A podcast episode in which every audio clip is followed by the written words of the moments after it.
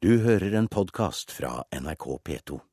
Vi skal til Politisk kvarter nå, tilbake til de blå-blå, bl.a. til diskusjonen om hvordan de skal finne penger til løftene sine. Denne debatten den er i full gang, Bjørn Bø? Ja, hvor farlig er det for kommende generasjoner å kutte skatter før en syner kutt i utgifter, er et av spørsmåla.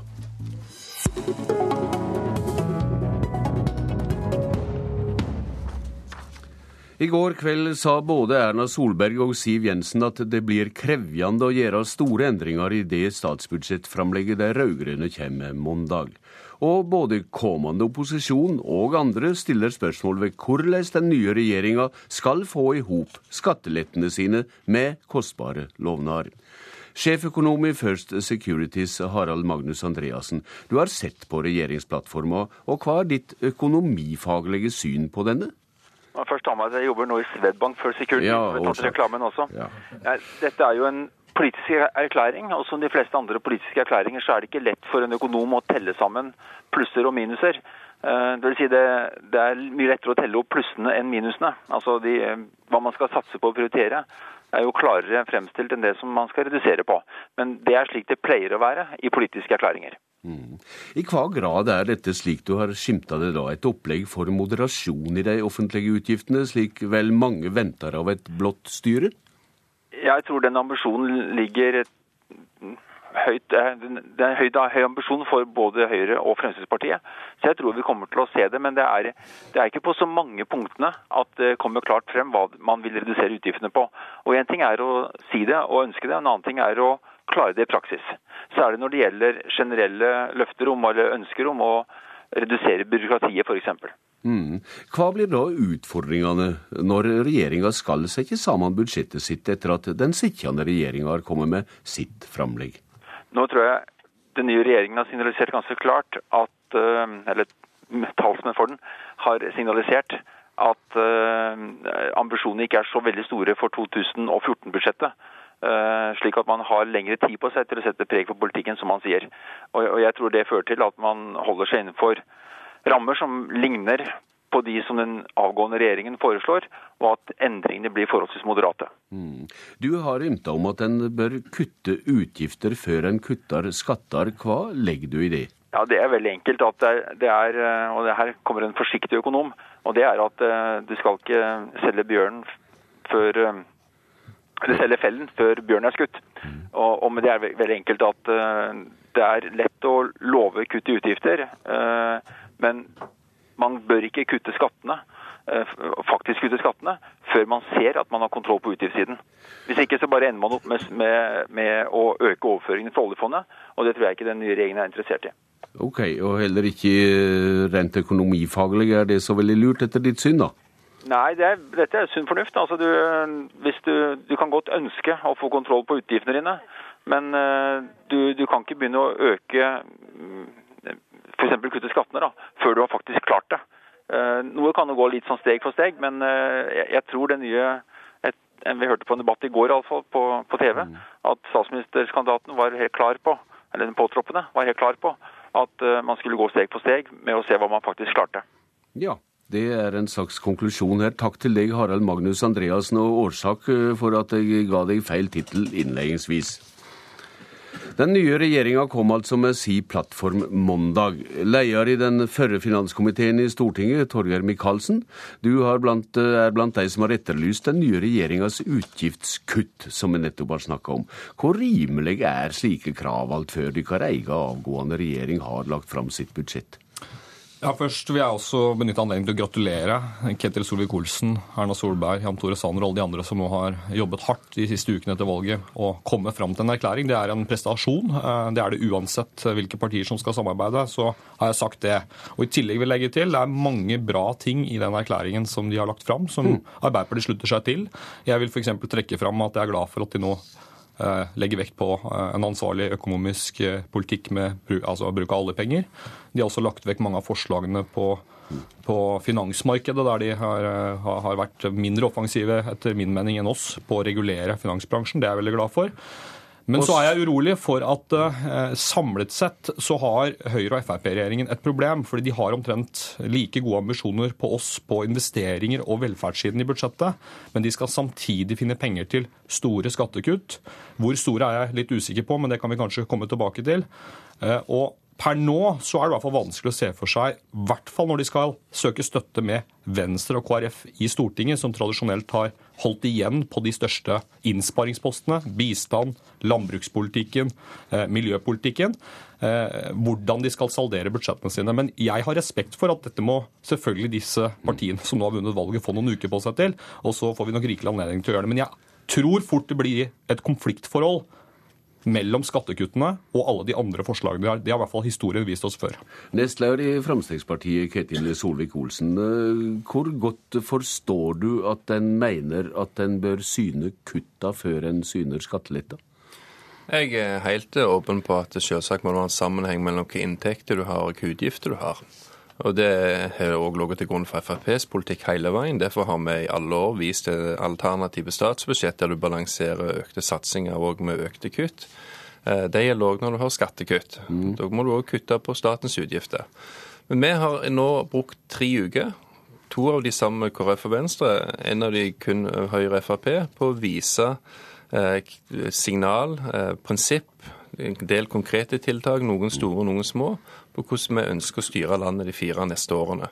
I det så ligger det både en stimulans til økt verdiskapning, det betyr at vi baker ei større kake.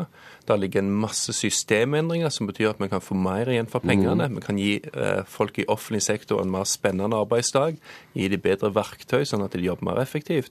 Og så ønsker vi òg en del satsinger som bedrer velferden for folk. Og Kombinasjonen av det vil vi jo selvsagt komme tilbake til de årlige statsbudsjettene, der alt skal henge sammen. Og skattelette. Hvor mye kan gradvis kutt i jordbruksoverføringer og langsiktig eventuell innsparing på byråkrati hjelper du ikke i første budsjett? I, I, årets budsjett så er det veldig små justeringer. fordi at Vi må legge til grunn de systemene som allerede finnes. Men for neste år, altså for 2015-budsjettet, så kan vi allerede nå starte en del reformer som må begynne å frigjøre eh, penger. Og Bare innenfor innkjøpsordningene så anslår jo akademikerne at vi kan spare mellom 15 og 45 milliarder kroner.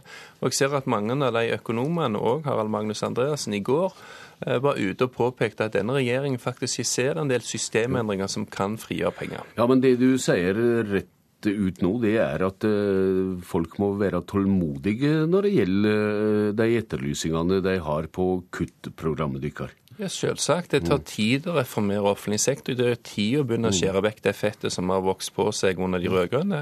Det tar tid å organisere ting på en annen måte. Men det er òg et handlingsrom der du kan gjøre noen ting raskt. Andre ting tar tid. Michaelsen, det er vel ikke kritikkverdig å ville ha en annen politisk kurs og fordeling på statens utgifter, selv om en ikke viser det akkurat nå? Ja, selvfølgelig. Og de har jo tross alt vunnet valget. Det er Høyre og mm. Frp som nå skal styre landet, sammen med noen støttepartier som, ja, med ulik grad da, i Stortinget. Og Arbeiderpartiet vil også selvfølgelig støtte de forslagene vi er enige om. Og vi er f.eks. enig i at uh, unødvendig byråkrati bør bort. Næringslivet bør få mindre byråkratibyrde. og Der har vi jo startet en svær jobb. så de får jo, hørte Trond Giske, næringsministeren, sa at de fikk en flying start fordi vi har kuttet 5-6 milliarder kroner bare de siste åtte årene når det gjelder byråkrati. Men å henvise f.eks. til denne rapporten der du kan nærmest ja, i løpet av noen få år spare 15-45 milliarder kroner i, i offentlig innkjøp, ja, det hadde vært strålende hvis vi kunne det, Solvik-Olsen. Men da kan du ikke liksom allerede for neste års budsjett, eller i hvert fall for 2014-budsjettet eller 2015-budsjettet, da, saldere skattekuttene som skal gis i dag, med langsiktige innsparingsinntekter. Det er det jeg er urolig for. At dere lager et sånt budsjettsystem der du ja, Selger skinnet før bjørnen er skutt. Det er en utfordring, Solvik-Olsen. Du vil ha replikk, og den må være kort Ja, den skal være veldig kort. fordi at Vi har jo spurt de rød-grønne hvor mye koster det å gjennomføre gjenværende Soria Moria-erklæring. Og svaret mm. vi fikk fra finansministeren er at dere hadde ikke peiling på det. Så når dere ikke selv har regna på egne løfter, så er det rart dere begynner å eh, kritisere andres. Leder i Unge Venstre, du hører til et av støttepartiene, som det ble kalla her. Og du er ny stortingsrepresentant også. Sveinung Rotevatn, i valgkampen har du advart og sagt at det må kuttes til velferds velferdsordninger nå for å sikre nettopp velferd for kommende generasjoner. Hvordan tykker du regjeringsplattforma har svara på det? Ganske dårlig. Jeg mener at eh, regjeringsplattformen som er lagt fram er et OK utgangspunkt for videre arbeid i, i Stortinget, og Venstre skal ha et konstruktivt forhold til regjeringa som skal gå på. Men eh, det er klart eh, det er lite varsel i den plattformen om hvor inndekninga skal finnes.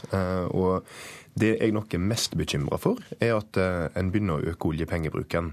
Nå har vi heldigvis fått gjennomslag for i samarbeidsavtalen at handlingsregelen skal ligge fast, men det er klart manøvreringsrommet innenfor den er jo ganske stort. Eh, og vi blir stadig mer avhengig av eh, oljepenger, både over offentlig budsjett, mm. men også i den økonomien eh, for øvrig. Så jeg er nok bekymra for hvordan ting skal gå nå framover. Ikke fordi at ting vil gå så dårlig i løpet av fire år, men fordi vi vet, ut ifra den avtroppende regjeringas perspektivmelding, at i løpet av få stortingsperioder så vil vi få kjempeutfordringer med å finansiere velferdsstaten vår. Og da sier jeg at vi bør begynne å reformere før snarere enn seinere. Ja, og du har snakka om AFP og sykelønn når det gjelder nettopp dette generasjonsregnestykket. Og hva er de håndfaste utfordringene til Solvik-Olsen?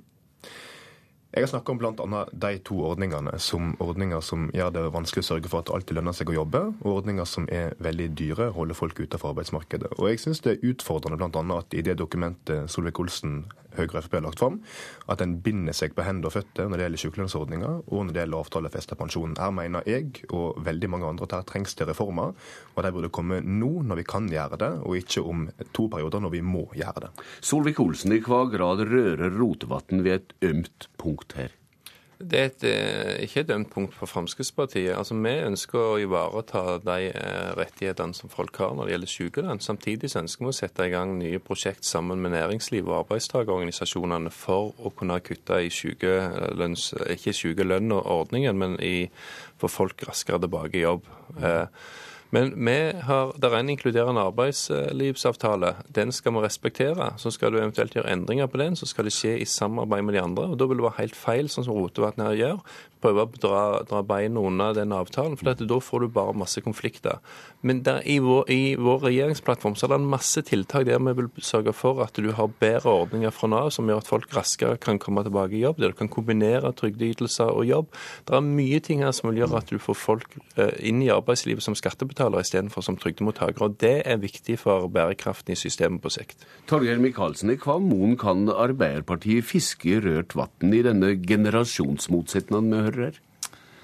Ja, igjen, Jeg har lyst til å nå se litt hva som faktisk kommer. For jeg har jo en sterk mistanke om at hvis du skal kombinere forslagene høyrepartiene har på skatt med en del av de andre formuleringene, så vil det komme kutt her som vi i dag ikke kjenner. Jeg har vært med på flere budsjettkonferanser i eh, nåværende regjering, og jeg vet at selv uten titalls milliarder kroner over noen år på skatt, som vi ikke har lovet, så har det vært en beinhard kamp mellom regjeringsmedlemmene for penger til sine formål.